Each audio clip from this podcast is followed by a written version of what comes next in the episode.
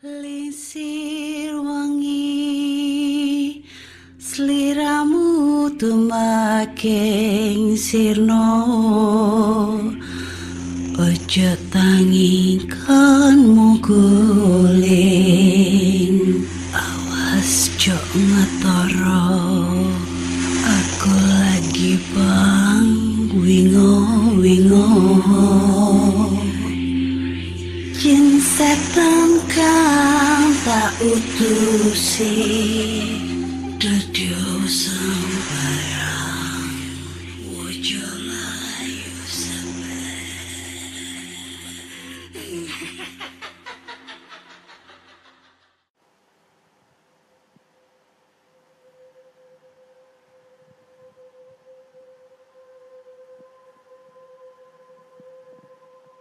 Assalamualaikum warahmatullahi wabarakatuh Selamat datang di podcast kisah horor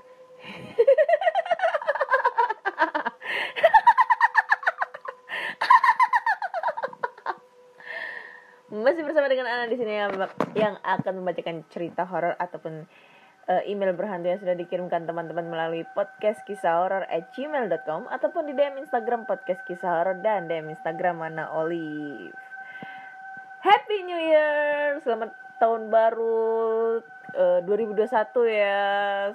Semoga di tahun baru ini 2021 semuanya itu jauh lebih baik. Corona udah nggak ada, terus eh dibarokain semuanya pendengar podcast kisah horor dilancarkan rezekinya dan semoga mungkin buat para pejuang-pejuang pejuang LDR pejuang cinta pejuang mencari cuan atau apa pun itu eh, di tahun 2021 bakal tercapai keinginannya semuanya ya. Baik-baik dah. Pokoknya intinya 2021 semoga kondisi Indonesia ini semakin membaik. Tidak ada corona. Corona udah hilang terhempas. Karena bentar lagi bulan 3 udah anniversary itu corona ya. Dan ya semoga kalian semua eh, mendapatkan yang terbaik di tahun 2021 amin amin ya robbal alamin. Wih mantap. 2021 tahun baru kemarin ke mana? Kalau aku sih di rumah ya di rumahnya saudara bakar-bakar sosis. Karena nyari ikan kemarin itu susah banget. Pas tahun baru itu akhirnya kita cuma makan sosis ya. Kekenyangan sosis terus gitu jam 8 di sini juga udah pada tutup semua udah pada apa ya udah pada nggak ada yang jual semua kalau udah jam 8 malam karena udah diberlakukannya jam malam di Surabaya dari tanggal 20 sam- 29 Desember sampai 8 Januari katanya sih kayak gitu Huh, kerasa ya. Bentar lagi juga podcast kisah horor udah mau menginjak menginjak satu tahun ya di bulan April besok udah anniversary di bulan April sekitar tanggal 25 dan sekarang kita udah masuk ke episode 69 ya. 69 nggak kerasa banget udah 69 episode dan udah banyak banget ratusan cerita yang udah aku bacain buat kalian semua. Ya aku harap ke depannya podcast kisah horor bisa jauh lebih baik lagi eh, bisa menjadi pembawa pembawaan cerita horor yang terbaik juga buat kalian. Dan makin banyak penggemarnya atau fansnya Ci. Amin amin ya rabbal alamin. Oke, nggak usah terlalu banyak ini ya panjang intronya. Karena kemarin banyak banget yang komen masalah banyak. Eh, Kak Ana terlalu panjang intronya. Kak Ana tolong kurangin kata-kata anjimnya kayak gitu kan. Karena udah terlalu apa saking serunya ngedengerin cerita horor akhirnya ngedengerin Kak Ana ngomong anjing buyar deh seremnya kayak gitu. Ya udah itu menjadi suatu masukan ya buat aku. Thanks banget buat teman-teman semua yang udah mengkritik dan ngasih saran. Bagiku tuh itu bukan suatu eh, apa ya hi- bikin aku merasa tersinggung. Enggak itu malah bikin aku membangun lagi kreativitas memperbaiki dalam pembawaan cerita lagi jauh lebih baik supaya teman-teman pendengar kisah horor ini nggak bosen nggak nggak apa ya nggak kecewa dengan pembawaan cerita kali ini oke? Makin suka nih teman-teman udah pada pada seneng sama aku ih.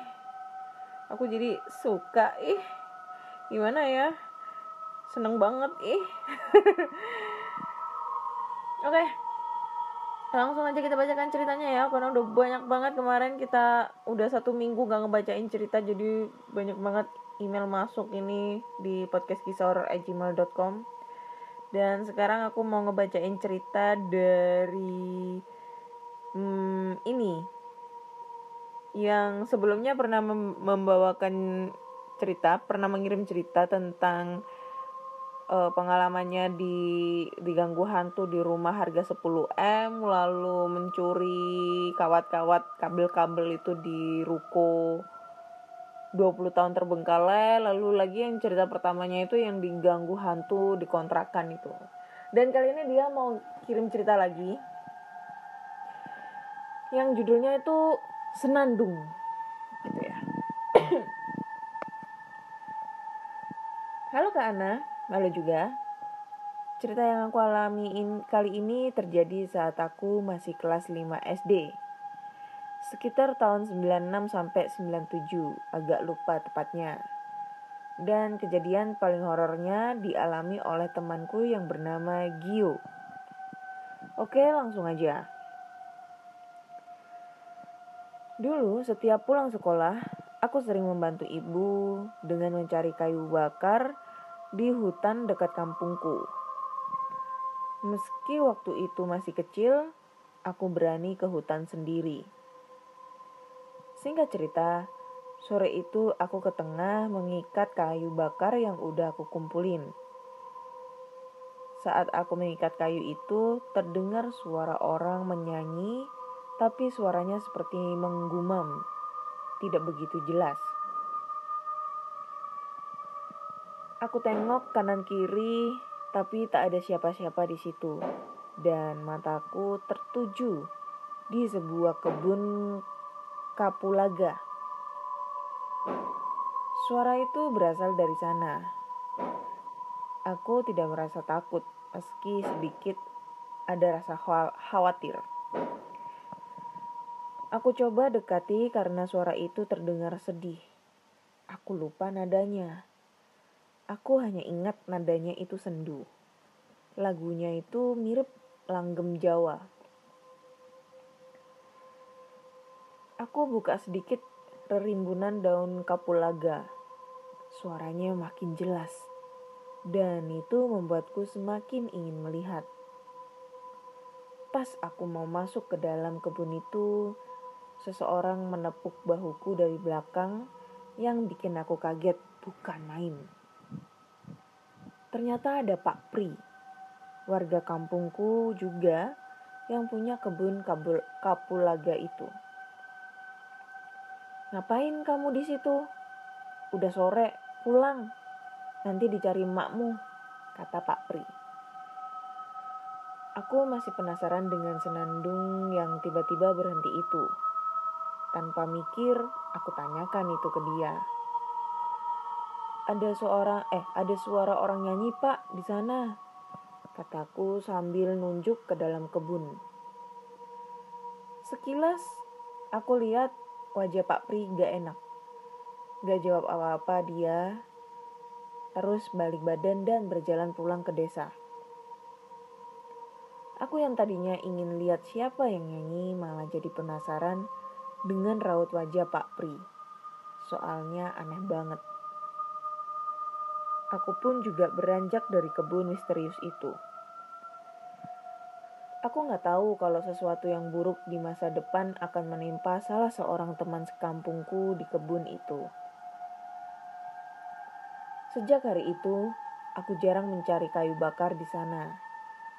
Selain rantingnya sedikit, juga karena agak jauh dari desa. Tempatnya juga seram kalau udah sore. Bertahun-tahun berlalu. Hingga setelah aku lulus SMP, ada satu kejadian menempa, menimpa temanku Gio. Dia tiba-tiba saja jadi gagu. Kalau bicara itu suaranya nggak jelas, padahal tadinya normal saja. Dia juga nggak pernah mau lagi ke hutan buat nyari kayu ataupun kerja ngangkutin kayu seperti yang biasa dia lakukan. Setiap ditanya orang, dia juga nggak mau jawab karena suaranya juga gak ada satu orang pun yang ngerti. Dia jadi mirip seperti maaf, idiot. Sampai akhirnya aku yang tadinya ingin diam saja karena kasihan jika ditanyain mulu ikut nanyain. Tapi aku nggak nanyain kenapa dia jadi gagu. Aku cuma cerita apa yang aku alami dulu di kebun keluarga Kapulaga Pak Tri itu.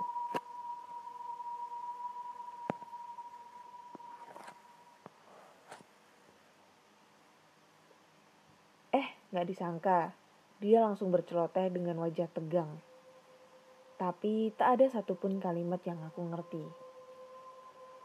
Yang keluar dari mulutnya hanyalah hahu-hahu. Gak jelas banget. Akhirnya aku minta dia nulis. Dan dia pun dengan gemetaran menulis di atas kertas sebuah kalimat yang gak pernah lupa sampai, sampai sekarang yang di kebun itu sundel bolong. Aku terkejut bukan main. Seandainya waktu itu aku yang lihat di kebun kapulaga itu, apakah aku juga jadi gagu seperti Gio? Lalu dia pun nulis dan bercerita. Waktu itu katanya dia lagi ngangkut kayu. Nah, kebetulan Kayu terakhir dia angkut menjelang maghrib. Tadinya mau ditinggal, tapi karena nanggung dia ambil saja dan berani-beraniin. Lokasi pengambilan kayu berada tak jauh dari kebun kapolaga itu. Saat dia lewat kebun itu, dia dengar senandung seorang wanita. Kata Gio, ini sudah kedua kalinya dia dengar. Karena penasaran, dia sengaja masuk kebun kapulaga itu. Sebenarnya ada satu jalan setapak kecil di kebun itu. Biasanya dulu, kalau sama ibu, aku sering lewat jalan itu. Tapi nggak pernah ngalamin hal aneh. Aku dan Gio mengalami hal misteri itu saat sendirian. Saat Gio lewat dekat sebuah tunggul albasia, dia dengan melihat wanita tengah duduk di atas tunggul itu. Dia berambut panjang digerai ke samping. Kata Gio wajahnya gak begitu jelas karena suasananya sudah gelap. Wanita itu diam saja saat Gio lewat. Meski takut, Gio tetap lewat di depannya. Sambil lewat, sambil melirik ke arah wanita itu. Sampai akhirnya wanita itu tiba-tiba hilang dan tiba-tiba pula Gio menabrak sesuatu di depannya. Saat itulah dia melihat sesosok wanita yang sangat menyeramkan. Wanita itu membelakangi Gio Punggungnya semuanya terbuka jeroannya. Gak ada kulit dan terlihat dagingnya seperti keroak bekas dibakan binatang buas. Daging-dagingnya bergelantungan dan darahnya juga mengalir. Yang bikin horor adalah lehernya panjang dan wajahnya menghadap ke arah Gio. Aku sendiri yang bayangin merasa merinding merinding.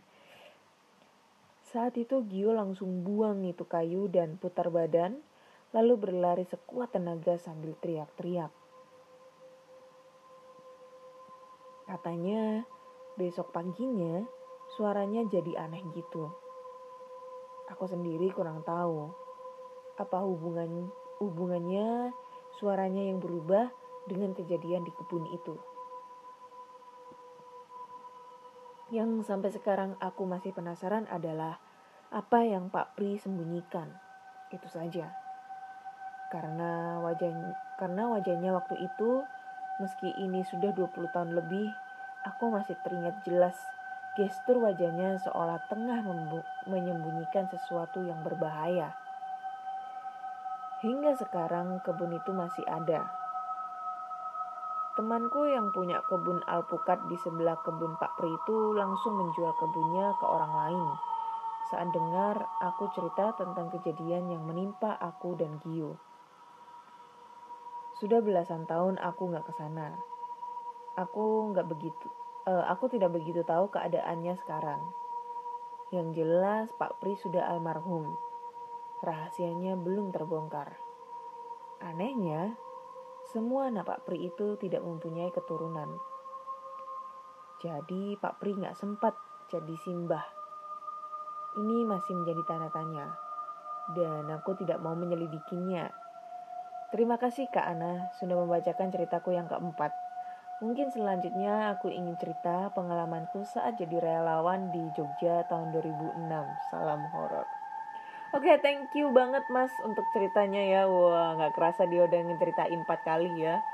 Dan dia bakal mau menceritakan tentang pengalamannya menjadi relawan di Jogja tahun 2006. Aku tahu ini. Ini pasti waktu gempa di Jogja.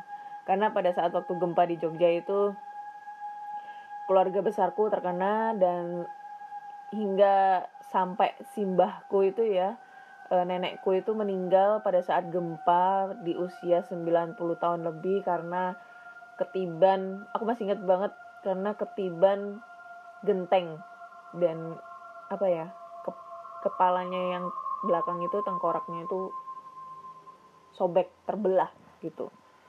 Aku masih ingat banget itu kejadian itu. Karena pada saat itu aku kebetulan lagi mos SMA ya. Dan yang pulang itu bapakku karena bapakku memang asli Jogja.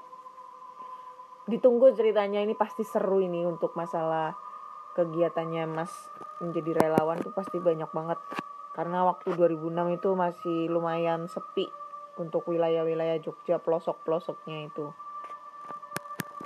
Hmm sundel bolong. Ya udah jelas lah kalau semisalnya semisalnya ada kejadian kayak gitu dan sampai anak-anaknya Pak Pri ini nggak punya keturunan kalau aku bisa eh, kalau aku menebak sih ini pesugihan ya. Ya semacam pesugihan kayak atau mungkin eh, yang bertugas untuk menjaga kebun itu kayak gitu ya. Tapi dengan catatan mungkin salah satu yang menjadi tumbal adalah uh, cucu-cucunya. Maksudnya dalam arti mungkin ya pada saat uh, si anaknya Pak Pri ini entah itu anaknya entah itu menantunya hamil kemudian keguguran itu bisa menjadi suatu perjanjian tumbal uh, persembahan tumbal untuk si sundel bolong ini ya. Sumpah. Ini serem banget kalau aku ngebayangin sosoknya ini sundel bolong yang tulang belakangnya apa punggungnya ini bolong terus habis itu dagingnya ngegelantung-gelantung dengan darah yang masih menetes. Anjir lah. Ini serem banget kalau aku bayangin. Dan aku pas ngebacain sosok tersebut itu tiba-tiba merinding. Gak tahu kenapa. Padahal masih jam berapa coba. Anjir. Eh gak boleh ngomong banyak-banyak anjir anjim. Nggak nggak nggak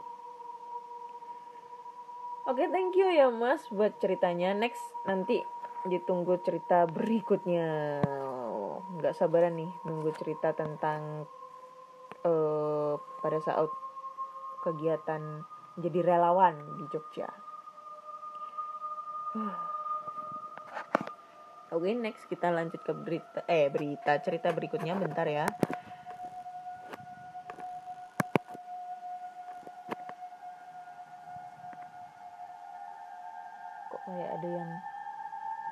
Gedor-gedor apaan tuh? Aduh. Ntar ya aku nyelesain dulu nih cerita baru deh. Aku tidur terus lu gedor-gedor gak apa-apa. Pokoknya nunggu aku tidur aja. Anjir. Kok udah mulai serem? Oke lanjut. Next ke cerita berikutnya ini. Cerita berikutnya.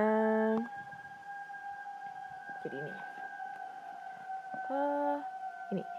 Halo podcast kisah horor uh, tolong jangan sebutkan nama aku ya Jadi kisah ini terjadi beberapa tahun yang lalu. Kala itu saudaraku yang di sini aku tulis Pak Ustadz dimintakan tolong untuk mengobati seorang perempuan yang katanya dirasuki makhluk yang cukup kuat dan tidak mau keluar dari tubuhnya.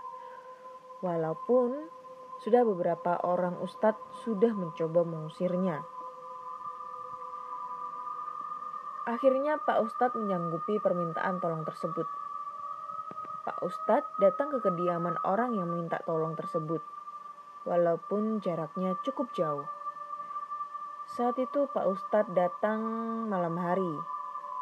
Sesampainya di sana, tiba-tiba si perempuan kejang-kejang. Tandanya dia mulai dirasuki lagi. Pak Ustadz kemudian segera mengambil tindakan dia kemudian memercikan air yang sudah didoakan kepada si perempuan. Tentu saja dia berteriak-teriak seperti orang kepanasan. Hingga akhirnya Pak Ustadz segera membacakan doa-doa di hadapan si perempuan. Semakin lama doa dibacakan, si perempuan semakin nyaring teriakannya bahkan sampai terdengar ke tetangga dengan rasa sakit yang kelihatannya teramat sangat, makhluk gaib yang ter terus saja berteriak kesakitan masih tidak mau keluar juga dari tubuh si perempuan. Teriakan demi teriakan dari si perempuan berlangsung cukup lama, tetapi si makhluk gaib tidak kunjung mau keluar. Bahkan sebenarnya Pak Ustadz bersiap untuk menghabisinya sekalian.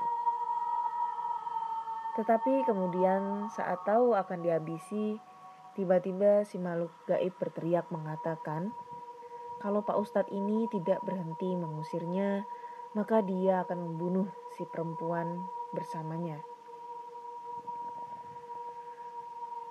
Keluarga yang sangat saat itu mendengar ancaman dari si makhluk gaib menjadi ketakutan dan meminta Pak Ustadz berhenti mengusir makhluk itu dari si tubuh perempuan. Sebenarnya Pak Ustadz menolak melakukannya karena dia tahu kalau itu cuma gertakan saja. Dan Pak Ustadz berusaha menjelaskan kalau seandainya si makhluk dia habisi, itu tidak akan berefek kepada perempuan ini. Tetapi penjelasan Pak Ustadz tersebut rupanya tidak membuat pihak keluarga dari si perempuan mengizinkannya melanjutkan pengobatan.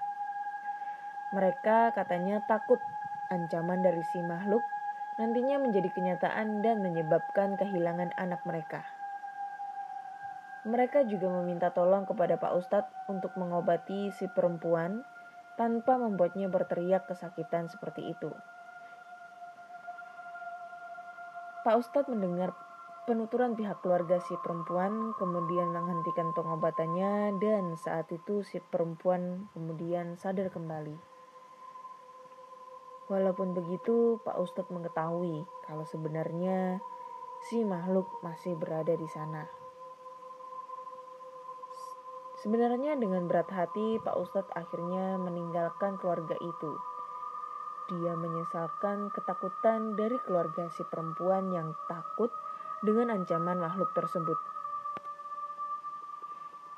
Malam harinya sesampainya di rumah Pak Ustadz, Pak Ustadz mendapat penglihatan kalau si makhluk bisa dikalahkan dengan mudah tanpa membuat si perempuan kesakitan dengan mengambil sebilah keris yang saat ini tertanam di sebuah gunung kecil atau bukit. Kata Pak Ustadz, mungkin keris itu berhubungan dengan si makhluk sehingga dia diberi penglihatan itu. Pak Ustadz yang mendapat penglihatan itu tidak segera mencarinya karena dia berpendapat kalaupun dia mengambilnya tidak ada manfaatnya karena dia tidak akan bisa mengobati si perempuan lagi. Pak Ustadz cuma bisa mengobati orang kalau ada yang meminta memintakan tolong kepadanya. Sampai sekarang keluarga si perempuan tidak pernah datang lagi untuk meminta tolong kepada Pak Ustadz. Jadi Pak Ustadz pun tidak pernah mencari keris seperti yang ada dalam penglihatannya itu. Entah bagaimana nasib si perempuan sekarang. Semoga saja dia sudah sembuh dan ditinggalkan oleh makhluk itu. Thanks Kak Ana sudah dibacakan dan mohon maaf jika ceritanya nggak serem banget. Oke, okay, thank you buat ceritanya ya. Ini mungkin dia mau menceritakan, menceritakan tentang pengalaman saudaranya yang seorang ustadz yang sedang berusaha untuk menyembuhkan pasiennya ya. Ibaratnya itu uh, orang yang sedang mengalami kerasukan gitu. Namun pengobatan itu tidak dilanjutkan karena si pihak keluarganya ini takut dengan ancaman setannya ini. Kalau misalnya si setan ini dibunuh sama Pak Ustadz, setannya mengancam anaknya tersebut juga bakal ikut terbunuh. Hmm, ya semoga aja ya uh, si mbaknya itu sembuh dan tidak diganggu makhluk halus lagi. Mungkin karena dia ada suatu kesalahan kali si mbaknya jadinya diganggu atau mungkin ada orang yang jahat sehingga bikin dia seperti itu ya nggak ngerti deh.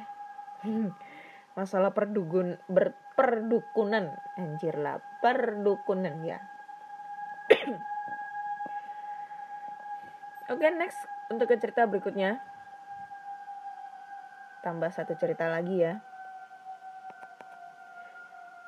Oke. okay. Kisah mistis teror hantu nenek tua ini terjadi di sebuah sekolah dasar di daerah Malang Selatan. Ketika itu sedang dilakukan renovasi atau pemugaran gedung sekolah yang sudah tua.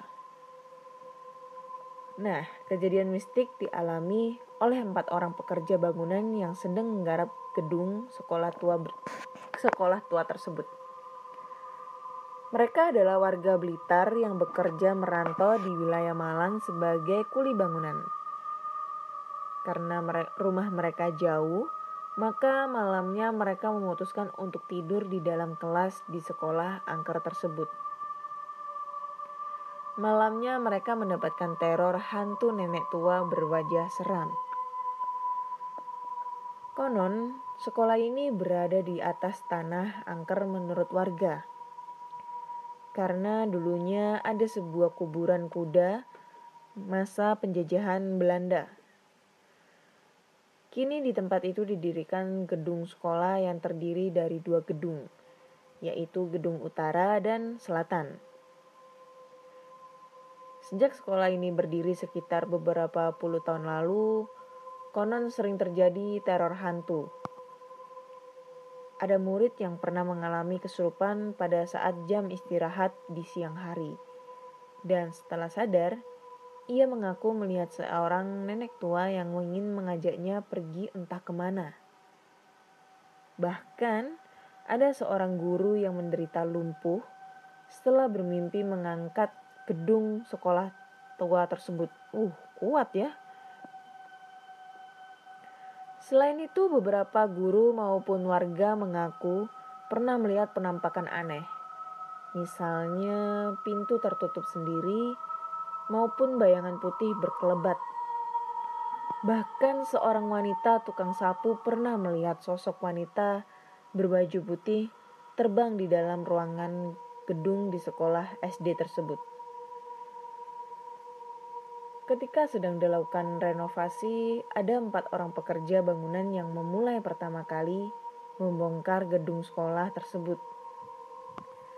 Suasana mistis mulai terasa ketika mereka hendak memulai menurunkan genteng pada pagi hari sekitar jam 10. Mereka mendengar suara keras di dalam salah satu kelas seperti ada genting jatuh di lantai dalam kelas. Tetapi setelah dilihat, ternyata tidak ada apa-apa. Maka mereka pun memulai pekerjaannya membongkar genteng. Ketika seharian bekerja keempat tukang bangunan tersebut merasakan adanya keganjilan. Suasana selama bekerja seperti tegang dan tidak bisa nyaman seperti pekerjaan bangunan lainnya. Ditambah lagi udara pegunungan di Malang Selatan yang dingin menambah suasana semakin mistis. Pada sore hari selepas kerja, mereka mandi di sebuah sumur tua di sekolah itu. Di samping sumur tua terdapat bangunan WC alias toilet yang sudah rusak. Namun ada satu kamar yang masih bisa dipakai mandi. Ketika mandi, mereka mencium seperti ada bau apek, seperti bau kotoran kuda. Kebetulan bangunan toilet tersebut diduga berada di tepat di atas kuburan kuda tempo dulu. Lagi-lagi keempat pekerja bangunan asal Blitar ini mengalami fenomena mistis yang yang cukup membuat bulu kuduk mereka merinding. Malamnya mereka berempat tidur di salah satu kelas yang masih belum dibongkar. Karena mau pulang rumahnya jauh. Sepul sepulang makan malam di sebuah warung pada jam 9 malam, mereka masuk ruang kelas itu untuk tidur dengan menggelar tikar. Tetapi mereka dibuat gelisah oleh suara-suara aneh seperti ada orang berbisik-bisik di salah satu ruang kelas. Namun karena mereka lelah bekerja seharian, maka suara-suara aneh tersebut tidak dihiraukan. Mereka berempat tertidur pulas. Karena eh tertidur pulas. Menjelang tengah malam, ada suara orang mengetuk pintu. Lalu salah se seorang membukanya karena mengira itu adalah mandor bangunan yang ingin masuk. Tetapi setelah pintu dibuka, ternyata tidak ada siapa pun di luar. Tanpa basa-basi, mereka pun melanjutkan kembali tidurnya dengan pulas. Kemudian, tepat pada tengah malam, tiba-tiba seorang kuli bangunan tersebut berteriak keras dengan tangannya menunjuk ke arah pojok kelas. Mendengar teriakan keras tersebut, maka ketiga rekannya terbangun dan melihat apa yang ditunjuk oleh teman yang berteriak tersebut. Ternyata di pojok kelas ada seorang nenek tua berwajah seram mengacung-acungkan sapu korek atau sapu lidi ke arah mereka. Sosok wanita tua tersebut mengenakan pakaian hitam berambut tebal berwarna putih dengan wajah buruk serta matanya besar dan melotot. Hantu wanita tua tersebut tertawa terkekeh-kekeh dengan mengacungkan sapu lidinya ke arah para, kuli bangunan dengan nada seperti mengancam. Maka kontan saja, keempat kuli bangunan tersebut lari tanpa memakai sandal dan berebut pintu. Mereka lari sekencang-kencangnya sambil berteriak hantu. Semua barang-barang seperti selimut dan sarung mereka mereka tinggal begitu saja. Mereka berlari ke arah jalan. Namun suasana pedesaan begitu sunyi, sepi, serta gelap gulita, sehingga tidak ada warga yang menolong mereka. Keempat pekerja bangunan kurang beruntung tersebut akhirnya memutuskan untuk melanjutkan tidurnya di pos kamling karena mau kembali ke ruang kelas tidak berani. Bahkan dompet mereka biar dibiarkan begitu saja di dalam kelas dalam kondisi pintu terbuka. Mereka menghampiri pos kamling yang kondisinya kotor dan tidak terurus dengan harapan bisa tidur di bangunan tersebut. Namun lagi-lagi sial. Ternyata di dalam bangunan tua pos kamling tersebut sudah digunakan tidur oleh orang gila dengan barang-barang bawaan seperti karung dan kardus yang menumpuk di lantai. Tapi apa boleh buat, daripada dimakan hantu nenek tua itu di sekolah, maka lebih baik mereka memutuskan untuk berbagi sedikit tempat dengan orang gila di pos kamling tersebut agar bisa tidur sampai esok pagi. Oke. Ceritanya udah selesai nih, gengs. Malang Selatan. Emang sih ya, daerah Malang Selatan itu serem banget. Maksudnya dalam arti aku jalanannya pun tuh juga serem gitu loh. Ibaratnya itu Malangnya itu udah pelosok ya. Beda sama Malang Kota. Jadi kalau Malang Selatan itu kalau nggak salah itu udah perbatasan sama Blitar. Jadi waktu itu aku bulan bulan kemarin ya, bulan bulan November itu kebetulan eh teman aku, teman kuliahku itu meninggal karena kecelakaan di Surabaya, de, eh, di area Juanda.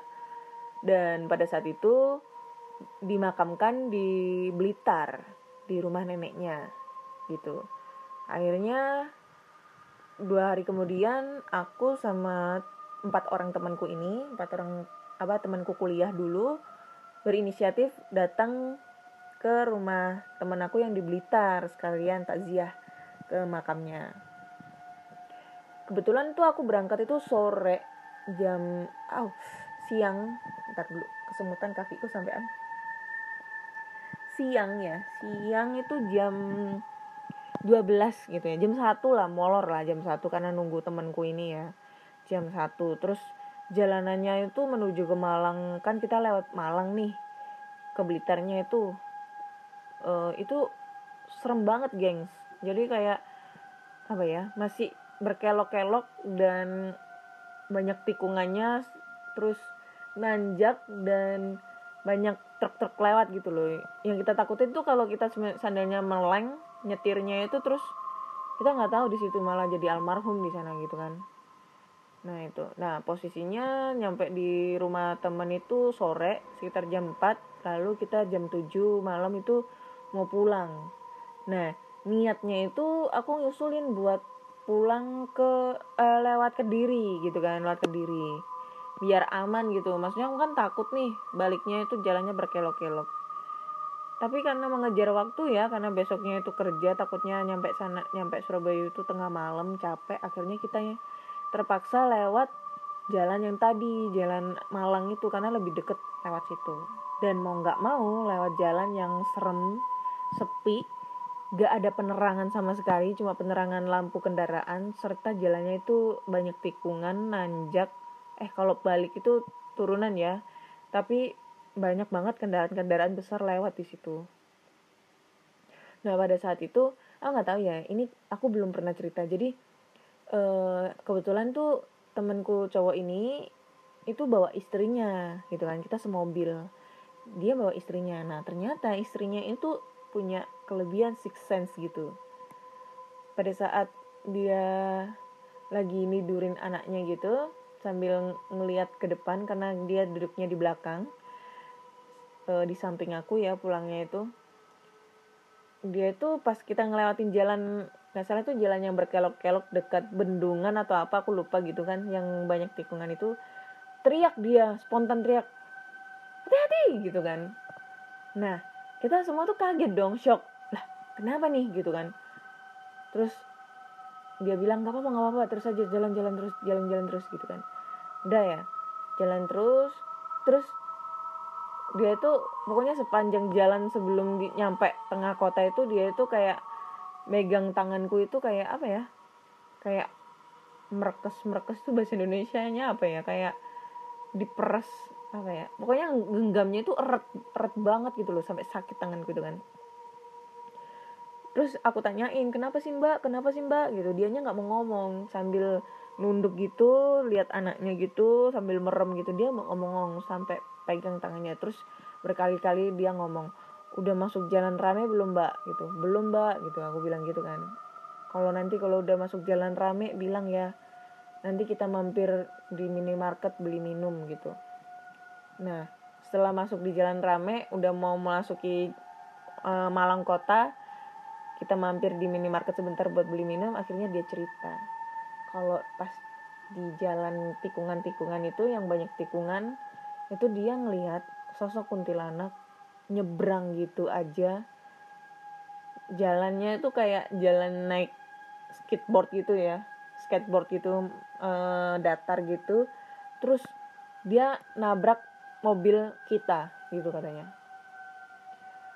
Jadi nabraknya itu bukan nabrak tembus pandang. Melainkan nabrak kayak orang ketabrak jedak gitu. Ne, eh, apa namanya mental di kaca gitulah terus ke belakang. Tapi pas dilihat di belakang sama dia itu nggak ada apa-apa. Dan anehnya itu kita nggak ngerasain kalau kita lagi nabrak seseorang atau apa gitu kita nggak ngerasain. Terus lagi dia ngelihat ada sosok banyak banget cewek yang semacam kuntilanak itu eh, ngegelantung-gelantung di pohon-pohon pinggir-pinggir jalan.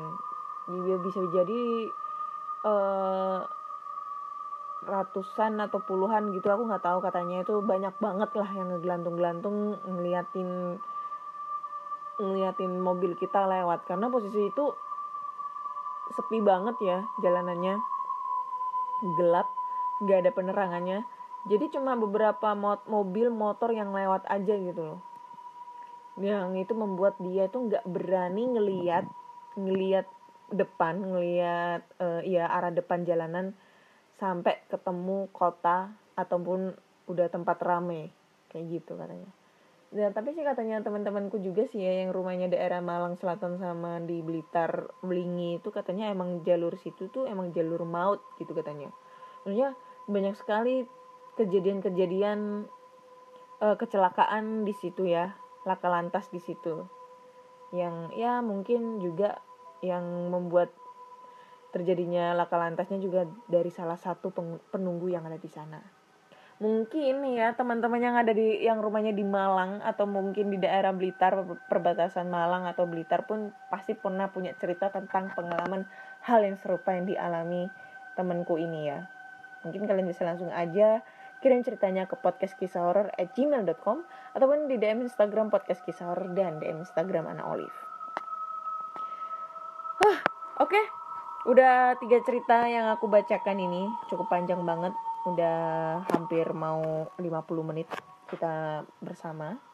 So, buat teman-teman semua yang udah punya cerita, cerita-cerita horor, kalian bisa langsung aja kirim ceritanya ke podcast kisah horor at gmail.com ataupun DM Instagram podcast kisah horor dan DM Instagram Anna Olive.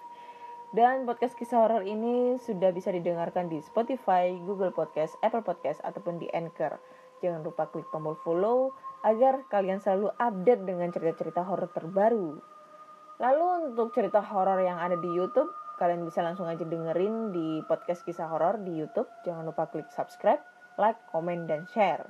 Untuk cerita baru akan tayang di hari Senin ya ataupun hari Minggu. Nanti pasti ada pemberitahuannya. Karena lagi tahun baru jadinya agak males-malesan gitu deh buat ngebawain cerita.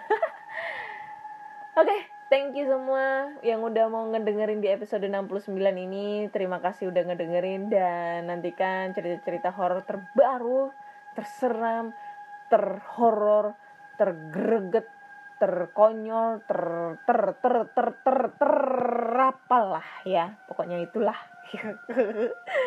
di episode 70. Oke? Terima kasih semuanya dan sampai jumpa. Selamat tahun baru.